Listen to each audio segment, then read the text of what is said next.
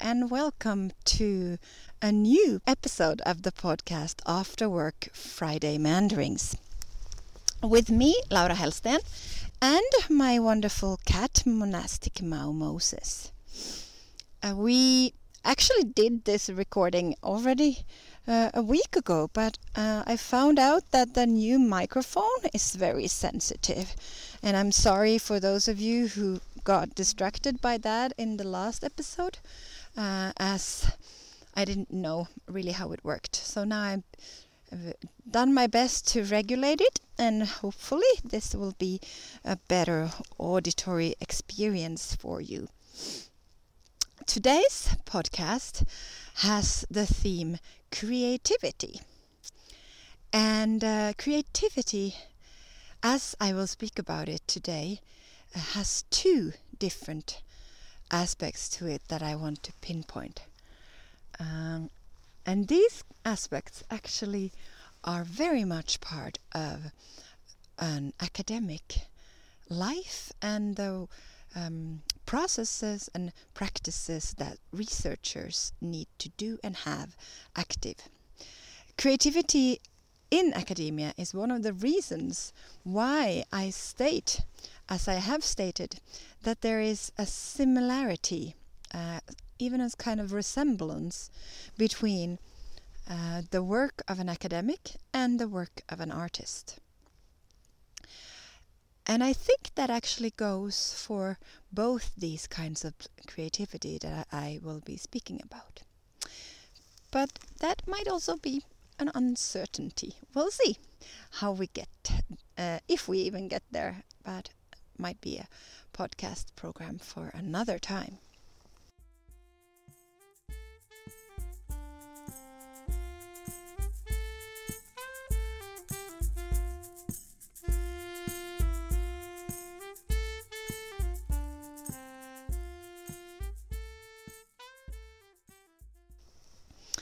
So when I have been following um, the, the natural science uh, people in our research team for the past three months soon.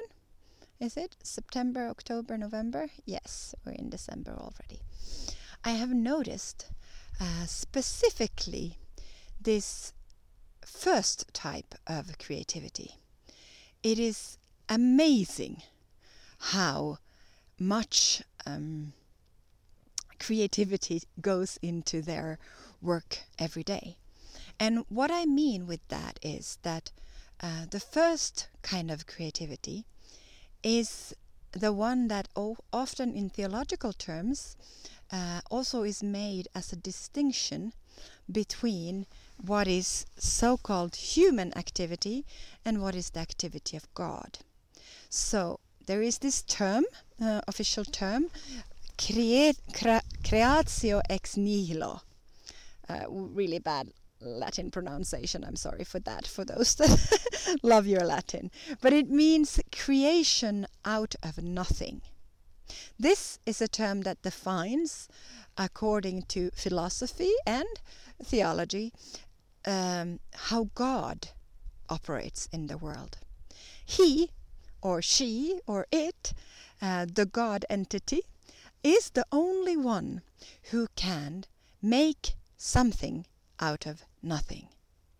Before the world existed, in the beginning, the Genesis text says, there was emptiness, stillness over the oceans um, or in the darkness and then there was light.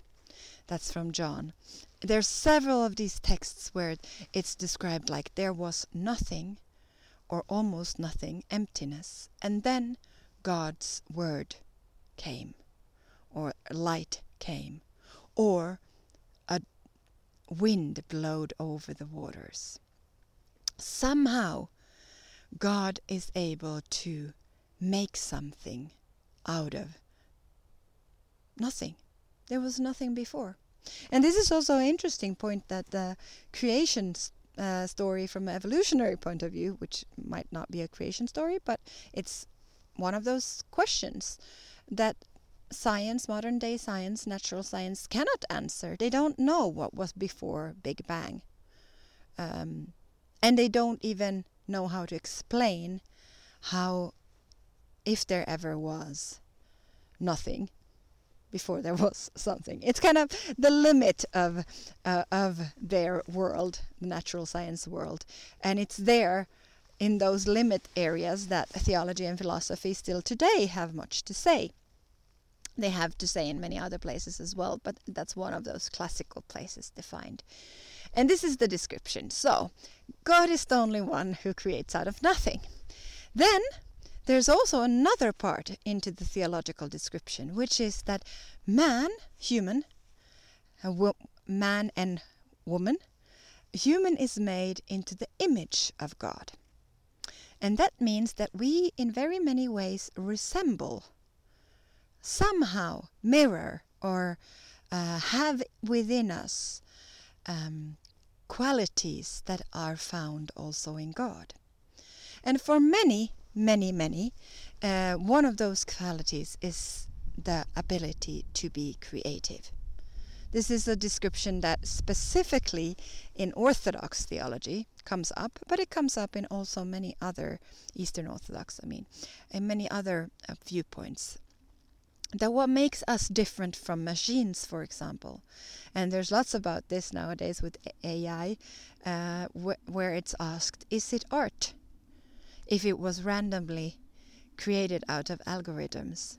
Uh, or uh, is there something in this process that makes something art? The process of creation or creativity where we have something unique to contribute as humans. And these are the big questions. I am not going to answer them today. I'm not going to uh, solve any of them. I'm just posing them. So often it is said that our ability as humans is to only create out of already created things. So this means that the classical definition of creativity in some ways is that humans take, for example, a piece of wood and carve it into something that resembles something else than a piece of wood, or a block of marmor uh, or any kind of stone and find from there something which was not seen in it before. And again, there there are some people who argue that no, um, there's this Michelangelo uh, quote, which I don't know if it comes from him originally, but that he saw the statue in the stone and then he just brought it forth, which is another way also to speak of of creativity. But the one, the way that I encounter this daily, or at least weekly, with my uh, science group, my researchers, is in the problem-solving strategies. So this is a feature that is very, very, uh, well, poignant in their meetings every single week when we meet what happens is that somebody, or actually the whole team normally, all of the members, uh, come up with descriptions of what went wrong. What did not go as they had expected? How did an experiment that they have been trying to make or do uh, turn out negative, so to speak? Or uh, turned out with results that they were not expecting, or results that they didn't know what to do with, or results that just were no results, and so forth and, and so forth. And this is every week. There comes all of these uh, so-called failures. And where I see that creativity plays an important role is in how our leaders of the group the professors approach this situation. Because very seldom do they say, okay, well, we can't do this then. No, actually it hasn't happened a single time, so forth. They always say, ah, interesting, so let's try this. Uh, every time something does not go as they expected or wanted or thought, they find a new option. It's not like everything is closed and it dead end and then the project goes. Uh. Rather, it is experienced as ah a clear border. Ah, here, here we found something that we can touch. We know that this limit arrived, which means that there's movement uh, possibilities to the left or to the right of that, behind or forward from that. It's like the negative results, so to speak, only are defining uh, the area where movement can be found. It's amazing how they can sit in a um, whole seminar or a whole meeting, like one or two hours, where everybody just uh, reports problem after problem after problem. And then the professor, in the end of the session, uh, summarize it with saying, "Okay, so now we have learned this and this and this. Now we know that we can start doing this and this and this. We may try this and this and this." And then they give a retelling of the whole situation from this point of view where all of the failures have been turned into possibilities. And this is a kind of creativity, a playfulness, actually. I find this kind of creativity to be the playfulness. It is to see options, uh, to uh, try out new combinations, to take things that earlier were not together and put them together. It is an ability to be inspired by curiosity. There's a lot of curiosity. Oh, this didn't work. Ah, uh, let's see what could work. Ah, this reacts in a totally different way. Hmm, could we maybe use it for something totally different? Hmm, aha, this uh, gives some kind of um, signal that we don't really know how to interpret. And instead of saying, ah, we did it wrong, they even have the option of, hmm, it might be that this whole paradigm needs to be defined in a completely new way. There's always this openness, this um, I think basically this curiosity. And also a um, very keen sense that these uh, factual um, things or measurements or apparatus that is used or uh, the formulas that are that are um, gathered they're only um, playthings it's not so serious um, nothing falls on the fact or, you know, stands on the fact alone that this one thing needs to be exactly like they thought it would be. Instead, there is this view that that ah, these are our tools. If they don't work this way, we recreate them. If they didn't do what they were supposed to do, we need new tools. And then they just go at it.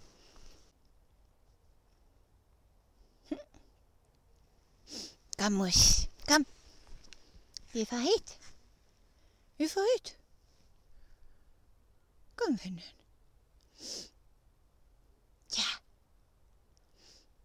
Okay, I'll continue.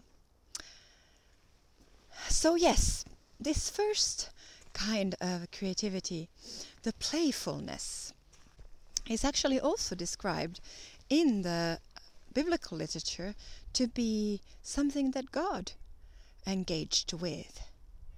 Uh, there's especially specifically these stories more poetically written where it is said that in the beginning uh, wisdom played in front of or in creation uh, with in front of God uh, or with God maybe um, and wisdom is like an energy of God um, so it is uh, this kind of uh, combining new things and putting new things uh, into uh, old things into a new pattern. I mean, uh, this is actually um, what often is seen as the way that humans resemble God, and we have the ability to then create out of those things that already exist by putting them into some kind of new order or new way of being. And I think most people actually, um, or I don't know, let's say, I don't know if it is, but I've heard many people state that they are not creative. Uh, I think that this has very much to do with a, a very weird view on what creativity is. Because I don't think that anybody of us ever as humans learned anything without playfulness. Play is the basic way of learning. When we grow older, we might um, lose this ability to be agile in our thinking or uh, think or maybe also that it's not real work if it's fun or these kind of things. But actually, everyday life requires problem solving, uh, requires that we find um, new combinations. If we don't, we get stuck in rigid uh, structures, uh, problem solving strategies, so to speak, that actually don't create anything new. It, they only uh, recreate the same pattern over and over again. This is very common in relational work and in psychology. They're even called defense mechanisms. It is uh, one of the ways that you can keep yourself away from newness is to apply the same strategy uh, over and over to problems. But I think it is, again, I don't know, I haven't checked this out. Uh, Einstein, who says that solving a problem in a certain paradigm, within a certain system, requires that we change into a completely different system. And here, uh, here arrives the second form of creativity.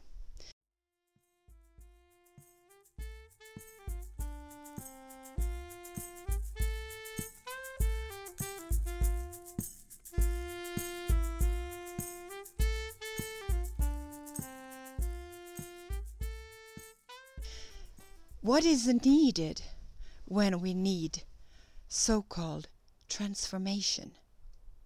Transformation, with that I mean something more than just taking old things and putting them into a new pattern.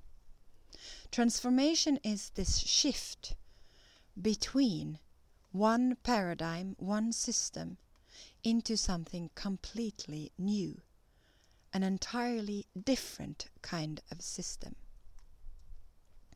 And the interesting thing is that there are several theologians and philosophers and thinkers who argue or make a case or a description that this kind of creativity, creativity in, in its second sense, actually resembles that which I said that some have argued is only a capacity of God.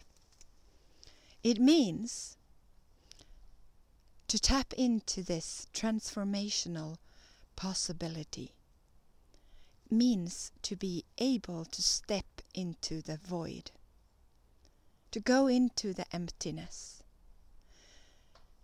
be in the pitch dark nothingness, where we don't see, we don't know, we have no options. We are not able to understand. And as many mystics, and myself included, um, have experienced, to just stay there. Stay in the empty womb of nothingness, darkness, unknown. Stay there and wait. In Nia language, uh, we speak about something that we call raw, relaxed, alert, and waiting. A capacity to stick in this place, which often is combined for many people with a sense of uncomfort. It is a place, the void, the darkness, the unknown, is definitely a place where we cannot control anything, where we cannot maybe even see anything or sense anything. We cannot claim to be authorities or actually in charge in this space. It is a space where we need to let go. So, contrary to the first kind of creativity, the one that I see as a lot of activity, the playfulness, the doing, and doing and doing again, the trying and trying and trying again, the action of taking things, putting them together uh, in new combinations. It has a counterpart. Yes, the counterpart is the stillness, the non activity, the silence of relaxed, alert, and waiting. Of course, there's a difference in this human capacity to go into this emptiness of the womb. Because the womb itself is, of course, created held. It is impossible to humans to actually be somewhere in a space where there is nothing. The nothingness that we can perceive or experience is always held by something. It is more an empty space, but there's still the borders of that circle.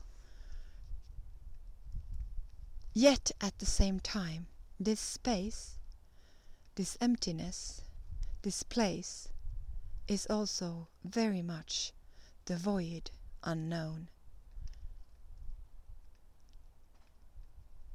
The nothingness. And my experience is that this kind of creativity actually comes from training to be still, training to sit training to be uncomfortable, training to be in silence, in nothingness.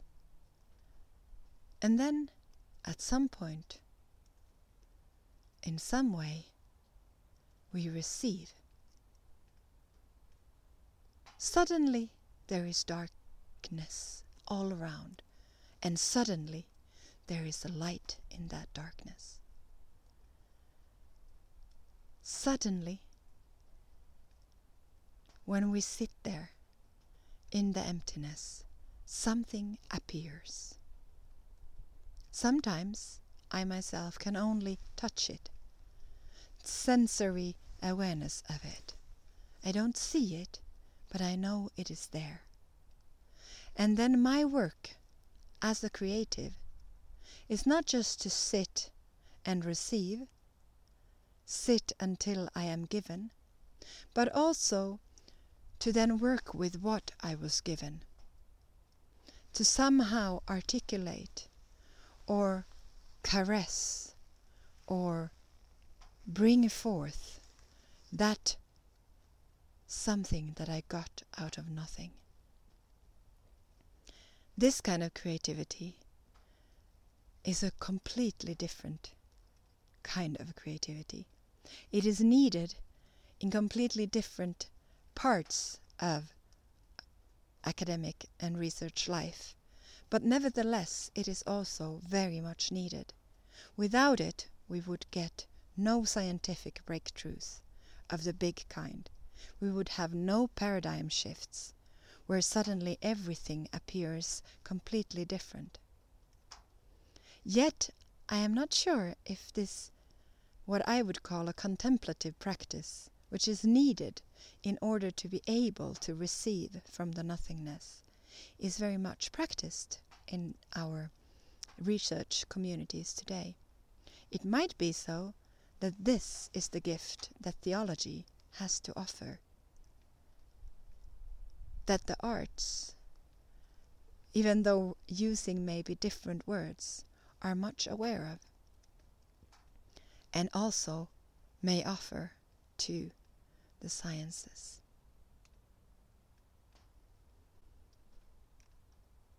So, welcome to a life of play and stillness, openness, waiting.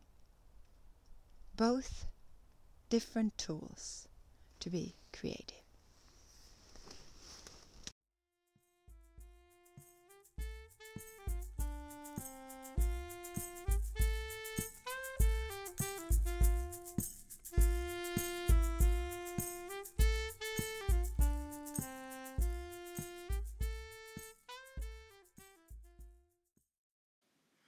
Du har nu hört podden Fredagsfunderingar After Work Friday Meanderings med Laura Hellsten.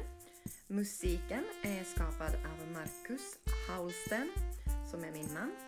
Och eh, den underbara katt du ser på bilden till denna podd är Monastic Mau Moses. Rastikma Mau Moses går att följa på Instagram med den hashtaggen eh, min mans konst går att följa på White Cat and the Monk på Instagram. Och eh, mera funderingar kring podden eh, går att följa på hashtag fredagsfunderingar after work eller after work friday meanderings. Det är också på Instagram. om du vill skriva till mig så kan du hitta till min hemsida kolminaisuus.fi. Tack och vi ses igen!